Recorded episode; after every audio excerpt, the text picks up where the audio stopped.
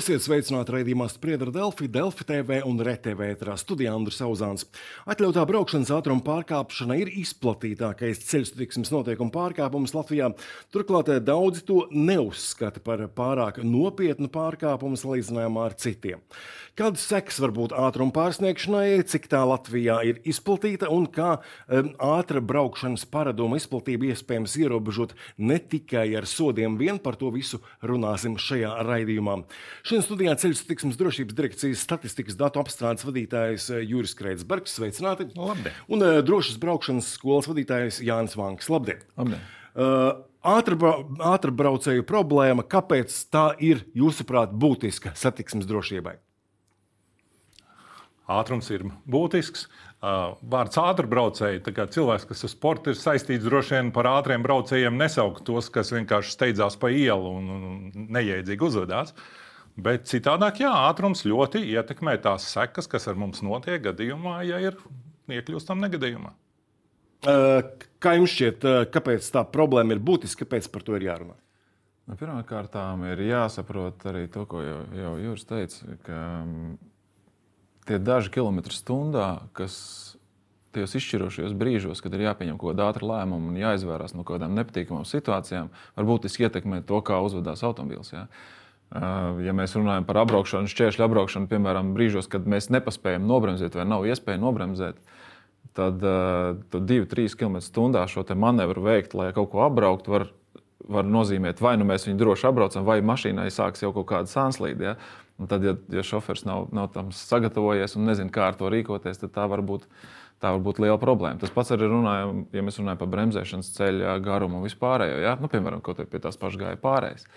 Tāpēc eh, tā problēma ir tajā, ka viens ir tas, ka, kas ir ļoti jocīgi, ka, ka, ka, ka cilvēki neuztver šo ātrumu pārkāpumu par, par tādu nopietnu satiksmes noteikumu pārkāpšanu. Ja, jo, manuprāt, tas ir ļoti būtisks pārkāpums. Jo, nu, tāpēc arī ir šie noteikumi, pēc kuriem mēs braucam un piedalāmies satiksmē. Un kaut, kaut kā tomēr nu, cilvēki ir iedziļinājušies un darījuši tā, lai tajā konkrētajā ceļa posmā tā satiksme būtu droša un tāpēc ir jāizvēlas pareizais ātrums. Un es saku, tie, kas nav mācījušies tā pastiprināti varbūt mācījušies auto vadīšanu un nesaprot to fiziku līdz galam. Tie varbūt vieglāk to uztver, bet patiesībā tā ir diezgan nopietna lieta. Cik liela daļa varētu būt autobraucēji tādu, kurš šo fiziku īsti līdz galam nesaprot? Nu, man statistika, diemžēl, nav par to, bet es pieļauju, ka diemžēl, tā, tā ir lielāka daļa nekā mēs iedomājamies. Īstenībā nevajag tik daudz uz fiziku veltīt, jo, nu, ja fizika, tad tur sāks domāt par aprēķiniem un tādiem, bet ko es parasti uzskatu, ka ir vērts pieminēt to vienkāršo piemēru. Ja? Tā tad ir atļautais ātrums 50 km/h, mēs braucam, kāds izlaiž priekšā, mēs nobremzējam, hu! Divus centimetrus no apstājamies. Negadījums nebija. Ja mēs braucam ar 60 un tajā pašā vietā izlaiž kāds cilvēks, mēs viņa strūns pa to nobrauktu attālumu, mēs viņam uzbraucam virsū ar 40 km/h tie 10 sākumā pārvēršas par 40 un varbūt arī 50, ja ir lielāka ātruma, pie sliktas sagadīšanās. Tātad runa ir nevis par tiem 2-3 km/h, kas tur bija grūtāk pavadīt, bet runa ir par to, ka starpība vien 30 un 40 km/h tikai tāpēc, ka mēs braucām 10 km/h ātrāk. Uh, atļautā braukšanas ātruma pārsniegšana, vai mums vispār ir uh, zināms, cik šī problēma ir izplatīta, jo nu, ne visur taču to radaru varam uzlikt?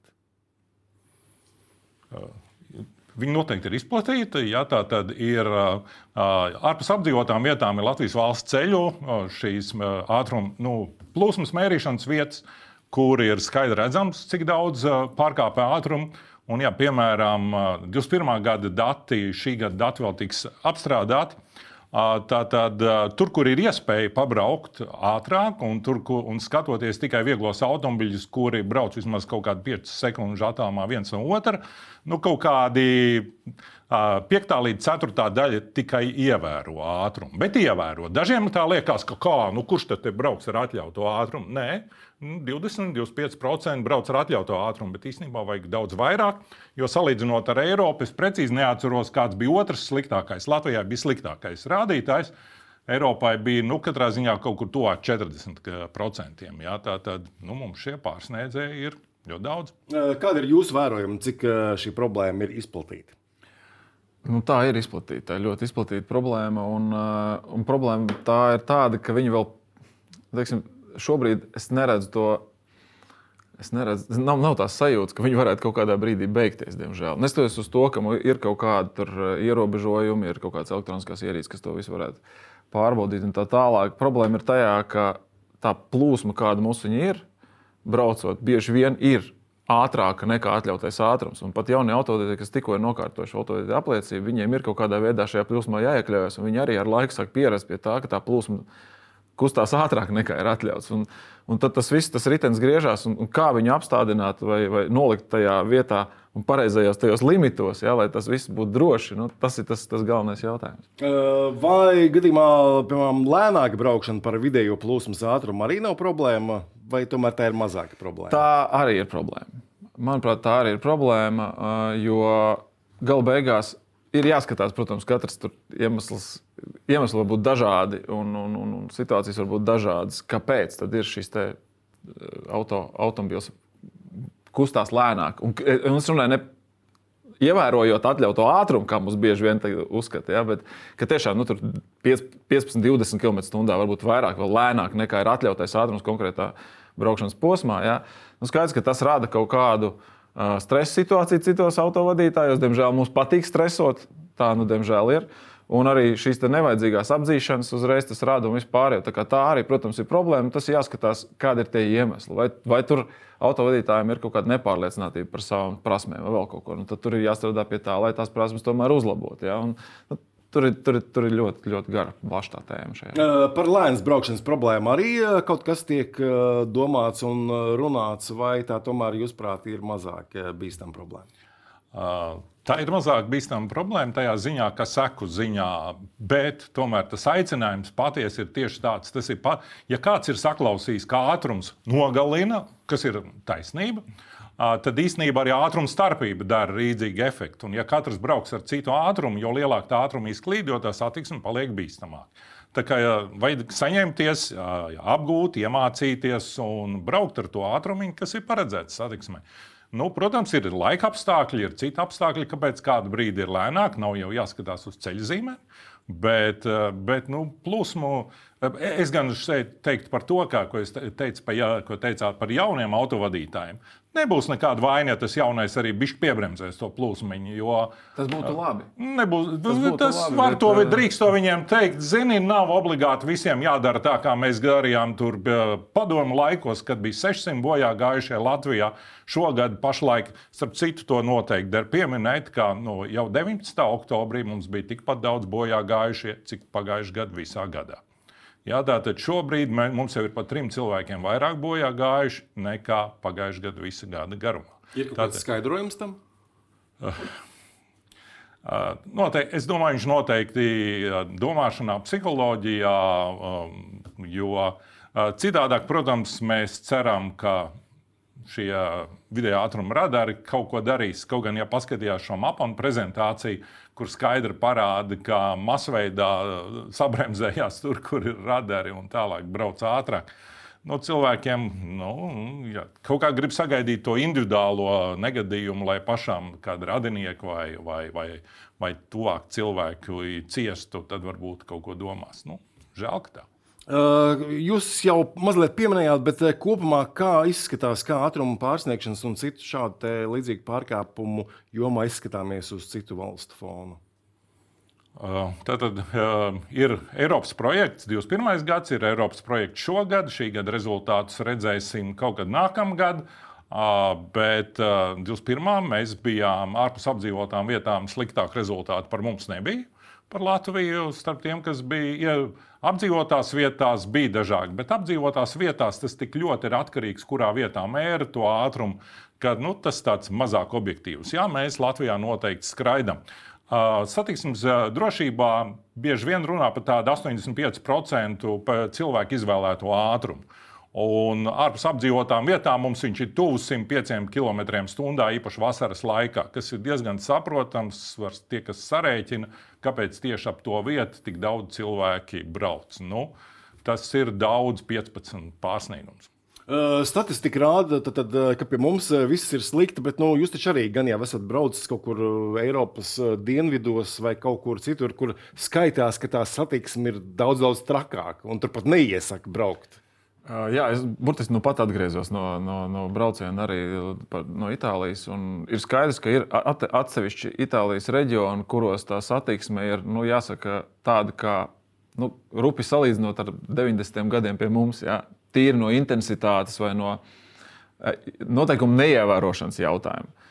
Taču, un es mēģināju uzdot to jautājumu, es gribēju saprast, kas ir tas iemesls, kāpēc tomēr, neskatoties uz to nosacīto bardaku, kas tur notiek, uh, statistika ir labāka šajās valstīs. Ja? Un, un, manuprāt, tas viss ir saistīts ar to, kā mēs uztveram satiksmi. Kā mēs uztveram, kad mēs braucam satiksmē, vai mēs uztveram to, ka es tagad esmu ieslēdzies savā kastītē, es esmu neaizskarams un tagad es darīšu tā, kā nu, mans garastāvoklis šajā dienā ļauj to darīt. Vai arī tā kā Itālijā, piemēram, kas bija skaidri izteikts, bija tas, ka primāri uh, cilvēks, kas ir pie stūres, otru cilvēku, uz, otru automašīnu primāri skatās, ka tas ir cilvēks pie stūres, un tikai tad ir tas transporta līdzeklis, kurā tas sēž iekšā. Un tad ir kaut kāda savstarpējā cieņa. Vēl, protams, noteikti ir kaut kāda psiholoģiskais stāvoklis kopējais. Ja? Jo nu, tur daudz silt, silts un vasara un, un saules spīd un vispārējais, un garstāvoklis cilvēkiem nebojājas varbūt tik daudz kā pie mums šeit. Un, uh, bieži vien ir tā, ka pat ja ir kaut kāda konflikta situācija uz ceļa, tad pēc burtiski tikko tā ir atrisinājusies, cilvēki ir nomierinājušies un smaidīgi un brauc tālāk un dara savas lietas un ir aizmirsuši to faktu. Kaut gan pie mums mēs, mēs mēdzam ilgi un dikti vēl dusmoties par to un vēl vakarā mājās stāstīt, kas ir noticis. Ja? Ir, un, un tiešām jāsaka, ka tā satiksme ir atsevišķos reģionos, ceļš Itālijā, ir ļoti haotiska. Ja? Bet tur kaut kā visi strādā pēc viena principa, vai visi ir uz viena viļņa, ja tā var teikt. Savukārt šeit mums ir ļoti dažādas spējas vadīt automobīļu, ļoti dažāda autotehnika un, un kaut kāda dažāda sapratne par to, kā ir jābrauc.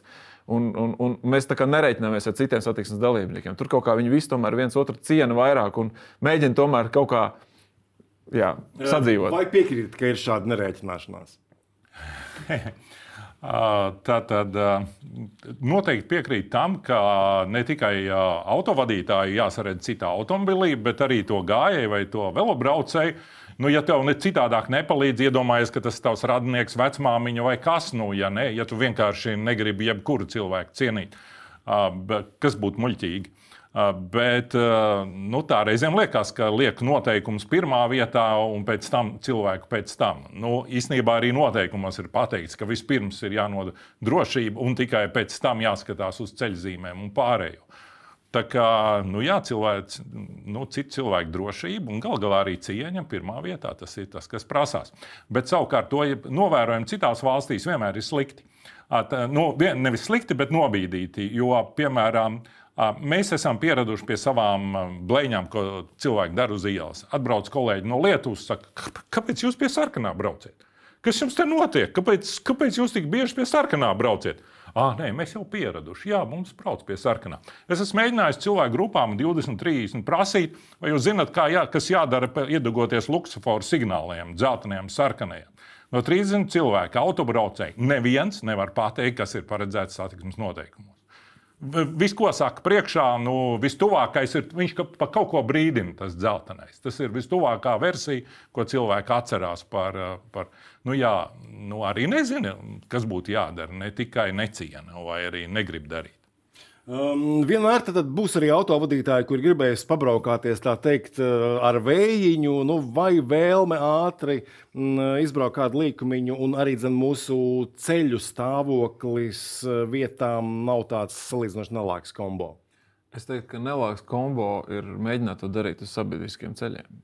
Jo tad, kad Es vēl pašā savā agrā jaunībā arī biju jauns un dūls, kā saka. Ja? Un uh, mēs sākām šo kustību par to, ka ir ar sportu vai ar ātrāku pabraukšanu jāsāk uh, nodarboties drošās vietās. Un tāpēc mēs braucām. Tajā laikā tas bija vēl salīdzinoši sarežģīti, jo nebija daudz tās trases, kur to var izdarīt, un nebija daudz tās vietas, kur to var izdarīt. Un tad mēs meklējām, kur to darīt, un braucām un mēģinājām to adrenalīnu un to spēju vadīt automašīnu, pilnveidot tur. Šobrīd tās iespējas ir daudz, daudz lielākas.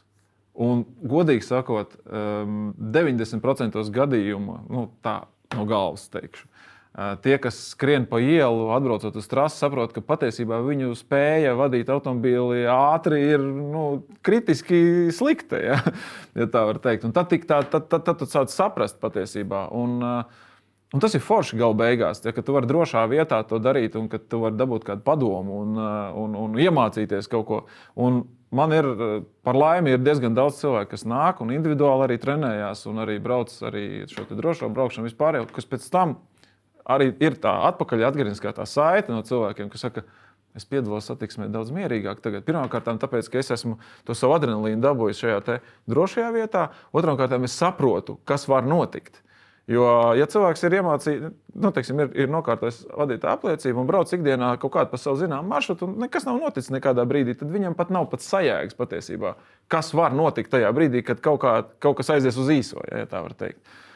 Tad, kad tu jau trasē bijis vai kaut kur pabraucis kaut kādā poligonā, tad tu sāc saprast, ka, kas tad notiek ar to automobīlu un, un vai vispār tu esi spējīgs to izdarīt. Ja? Un tad tu jau Mēs jau šodien pieminējām ātrumu, un tā ir tā vieta, kur, ja, jau, ja kāds mācās zinošs cilvēku vadībā, tas ir tas iegūms, ka tev parāda, ko jādara, un pakāpeniski cel ātrumu. Un tu tikai nedaudz pacēli ātrumu, tev pateiks, cik pacelt ātrumu, un tu jūti, ka pēkšņi pēc tiem 5 km/h tas ir pavisam cits automobilis un pavisam cits ceļš. Ja, tieši to ir vērts izmantot tās iespējas, ko mums trases piedāvā un cilvēki, kas piedāvā palīdzēt. Bet tad, runa nav par to, ka iemācīšos un būšu tagad sportisks braucējs. Jā, tā ir pilnīgi cita suga, kas ir sportists. Tas ir vienkārši sajust to, kas var notikt ar automobili. Ja tu netiec ar viņu galā slidenā laikā, slapjā laikā, uz lapām, uz, uz ledus, lai kas viņš tāds būtu, vienkārši dabūt sajūtas, kad automobilis griežās, un tu viņam īsti nekā nemāki izdarīt. Kā kopumā varam vērtēt šīs autovadītāja braukšanas iemaņas, nu, kaut kādos īpašākos apstākļos, pie lielākiem ātrumiem, kā mākam vai nemākam noreaģēt, ja pie liela braukšanas ātruma kaut kas nu, pēkšņi gadās? Es teikšu, kā es saviem paziņām stāstu. Mums CSDD katru, katru gadu arī rīko šos bezmaksas ziemas braukšanas kursus. Un, uh, es bieži vien arī ar saviem instruktoriem mēs tur apkalpojam arī. Uh, šos pasākumus, un uh, bieži vien arī es aizēju. Un, uh, esmu viens no mācību spēkiem. Un es vienmēr savā mājās, vai pa paziņām, es vienmēr saku, jo es ilgāk stāvu tur nosacīt uz līnijas un strādāju, jo vairāk man ir bail piedalīties satiksmē. Un, un mēs runājam par to, ka tie cilvēki, kas ir apzināti atnākuši, lai pilnveidotu, tas nozīmē, ka tā ir tā apzinīgā vai tā prātīgā daļa. Un tu redzi, un nav runa par to, ka cilvēks neprasa braukt kaut ko, bet ir, nu, nav to iemaņu, nav.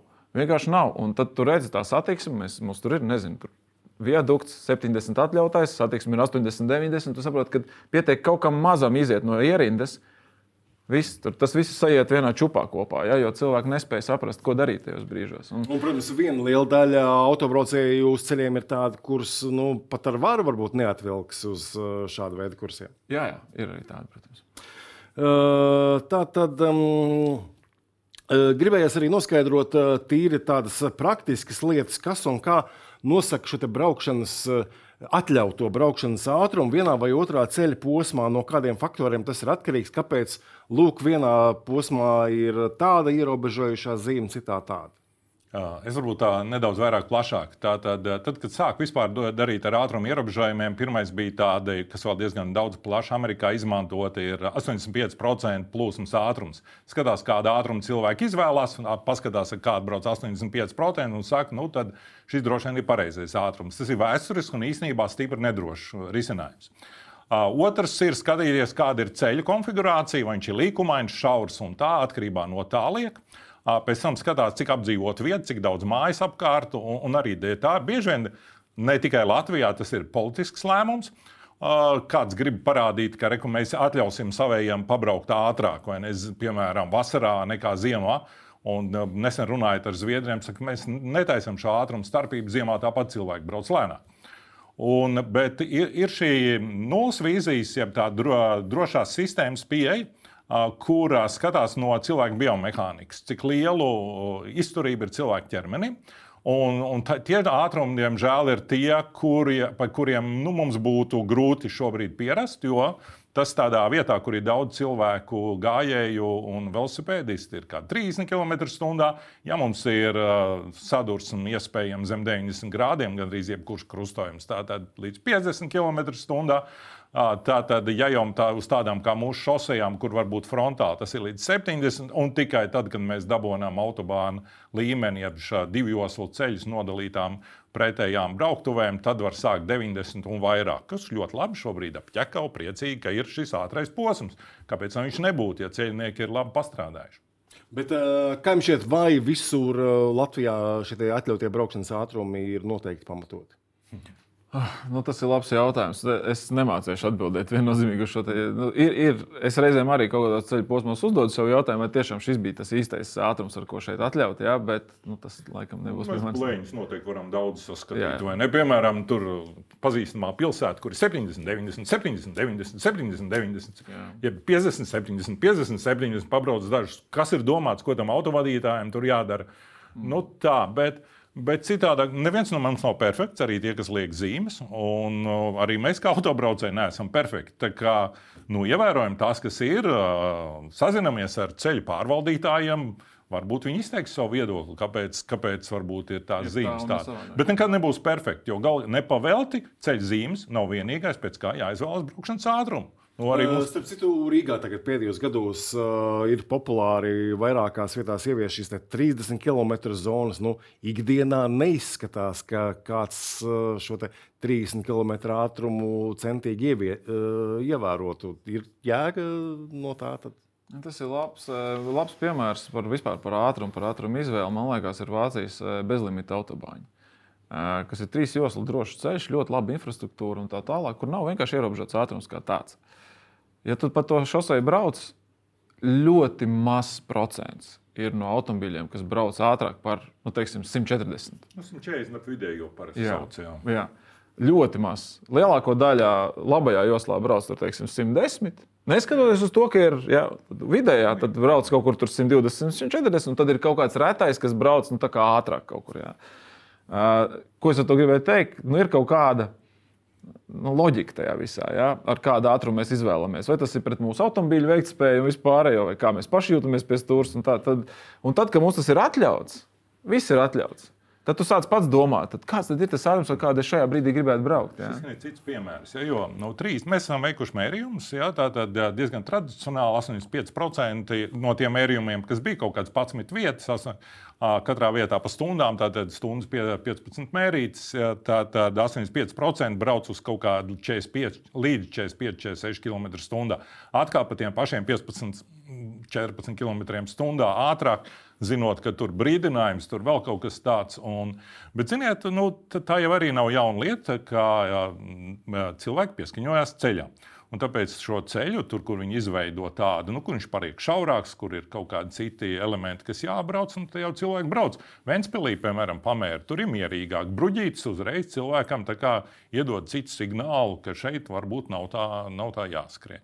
Bet 30, redz, 30 nekad nebūs optimāls ātrums autobraucējiem. Nu, tas, nav, tas ir kaitīgs autobraucējiem, visādi slikti, jo uh, 30 ir vajadzīgs sabiedrībai kopā. Ja mēs cienām tos cilvēkus, kas iet ar kājām, tos, kas brauc ar velosipēdu, tos, kas dzīvo tuvākās mājās, tie bērni, kas iziet no mums, tad mums ir vajadzīgs 30. Autobraucējiem, ja viņi sāktu visu ekonomiku rēķināt, un, un piesārņojumu un troksni, tas ātrums būtu vismaz 60.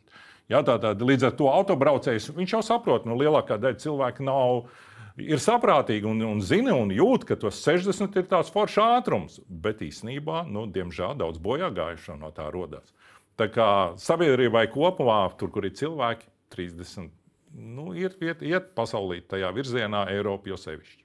Par sodīšanu noteikti arī jāparunā. Nu, uz ekrāna varam paskatīties ziņu, ka iekšlietu ministrs Rihards Kozlovskis izteicies, ka Latvijā būtu vērts diskutēt par ātruma pārkāpēju sodīšanu atkarībā no pārkāpēja ienākumiem. Kā jums šķiet, vai efekts no sodīšanas varētu būt atkarīgs no uh, maciņu biezuma? Nu, ideja jau, ideja jau ir kā interesanta, vai ne? Un mēs zinām, ka pasaulē tādas, tādas valsts ir, kur šāda, šāda sodīšana ir. Te ir jautājums atkal par pelēkajām, pelēko ekonomiku un, un visām pārējām lietām, lai izvairītos no šādām. Ja, nu, Grūti pateikt. Grūti pateikt. Skaidrs ir tas, ka šobrīd viennozīmīgi tur, nezinu, 100 eiro sots vienam ir pavisam savādāks nekā citam. Jā, tas ir skaidrs, bet nu, tāda viennozīmīgi viedokļi par, par šo man laikam nebūs, diemžēl. Varbūt Juris zina.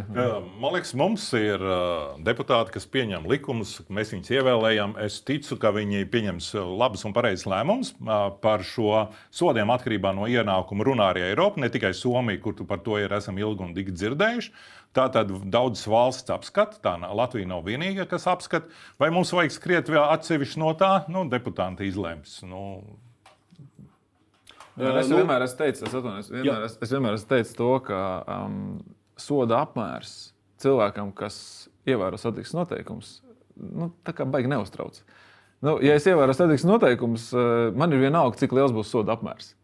Ja? Nu, Nu, tāpēc no, tas tāds. Nu. Tāpēc man grūti runāt par sodiem. Es īsti nezinu, kāda viņi ir. Ne, es esmu lasījis satiksmes likumā, es zinu, tur ir punkts, mm. un vienības un tā tālāk bet es viņu neesmu izjūtis tādā makā, un līdz ar to grūti man par to runāt personīgi. Uh, bet nu, uz ekrāna šobrīd arī varam paskatīties, ziņu, ka nu, šobrīd ir uh, plānots uh, atkal tos sodus palielināt. Tad nu, ejam pareizajā virzienā vai neejam? Es vienmēr esmu bijis no tiem, kas saka, ka baigi gribētos cerēt uz cilvēku veselo saprātu, nevis uz to sodu apmēru. Ja es, es kaut kādā pa dzīvi laikam nu, ne, nu, ne visai ticu pātagas metodēm, jā, bet nu, ir, ir jau, protams, arī recidīvs. Jā, nu, tad, tad, nu, tad varbūt ir, ir cilvēki, kuriem nepie, nepielāc. Jā, nu, tad, jā, varbūt, bet pātagas metode, bet dati laikam rāda, ka pātagas metodas tomēr strādā.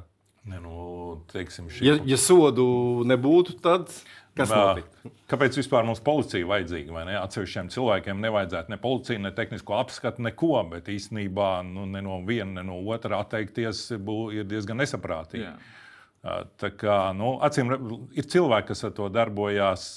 Ja to uh, iekšlietu ministri ierosina, viņi vairāk ar to ir saistīti.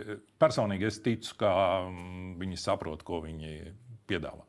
Uh, nu, Sūdu naudas no vienas puses ir arī labs papildinājums budžetam, vai nesanāk, ka valstī tā ātrā braukšana ir pat uh, izdevīgāka. Nu, no šāda efekta varam kaut kā izvairīties.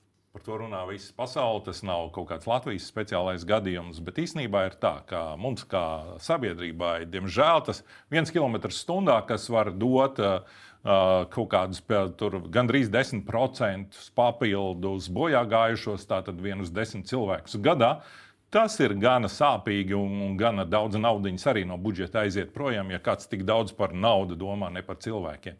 Tur nav viennozīmīgi. Un katrā ziņā tas nav mērķis. Jā, viņi zināms, ka plāno šīs naudas, tāpēc ka viņas kaut kādiem žēl turpina ienākt. Bet tas nav mērķis, tur vākt naudu. Tas ir slikts mērķis, ja, ja kādam tāds ir. Fotoradaru un vidējo, vidējā ātruma radaru nozīmē, nu, cik svarīgs jūsuprāt ir tas skaits, vai tomēr izvietojums ir būtiskāks? Ah, tas ir ļoti labs jautājums. Un sāksim ar to, ka personīgā pieredze ir tāda, ka jau kaut kādus gadus atpakaļ Lietuvā, tepat braucot no Bauskas puses, arī Lietuvā iekšā, jau, jau bija ļoti daudz to posmu ar vidēju ātrumu kontrols radariem. Un, jāsaka, godīgi, šī plūsmas, šis plūsmas mierīgums šajās zonās man lika domāt, ka kaut kas tajā visā ir. Jo, jo tiešām nebija tādu nervozu apdzīšanu, nebija kaut kāda tāda avārijas situācija. Tie, tiešām tā plūsma tad, tad sakārtot un, un normāli. Uh, tad tas nozīmē, ka kaut kādā veidā tomēr tā lieta strādā.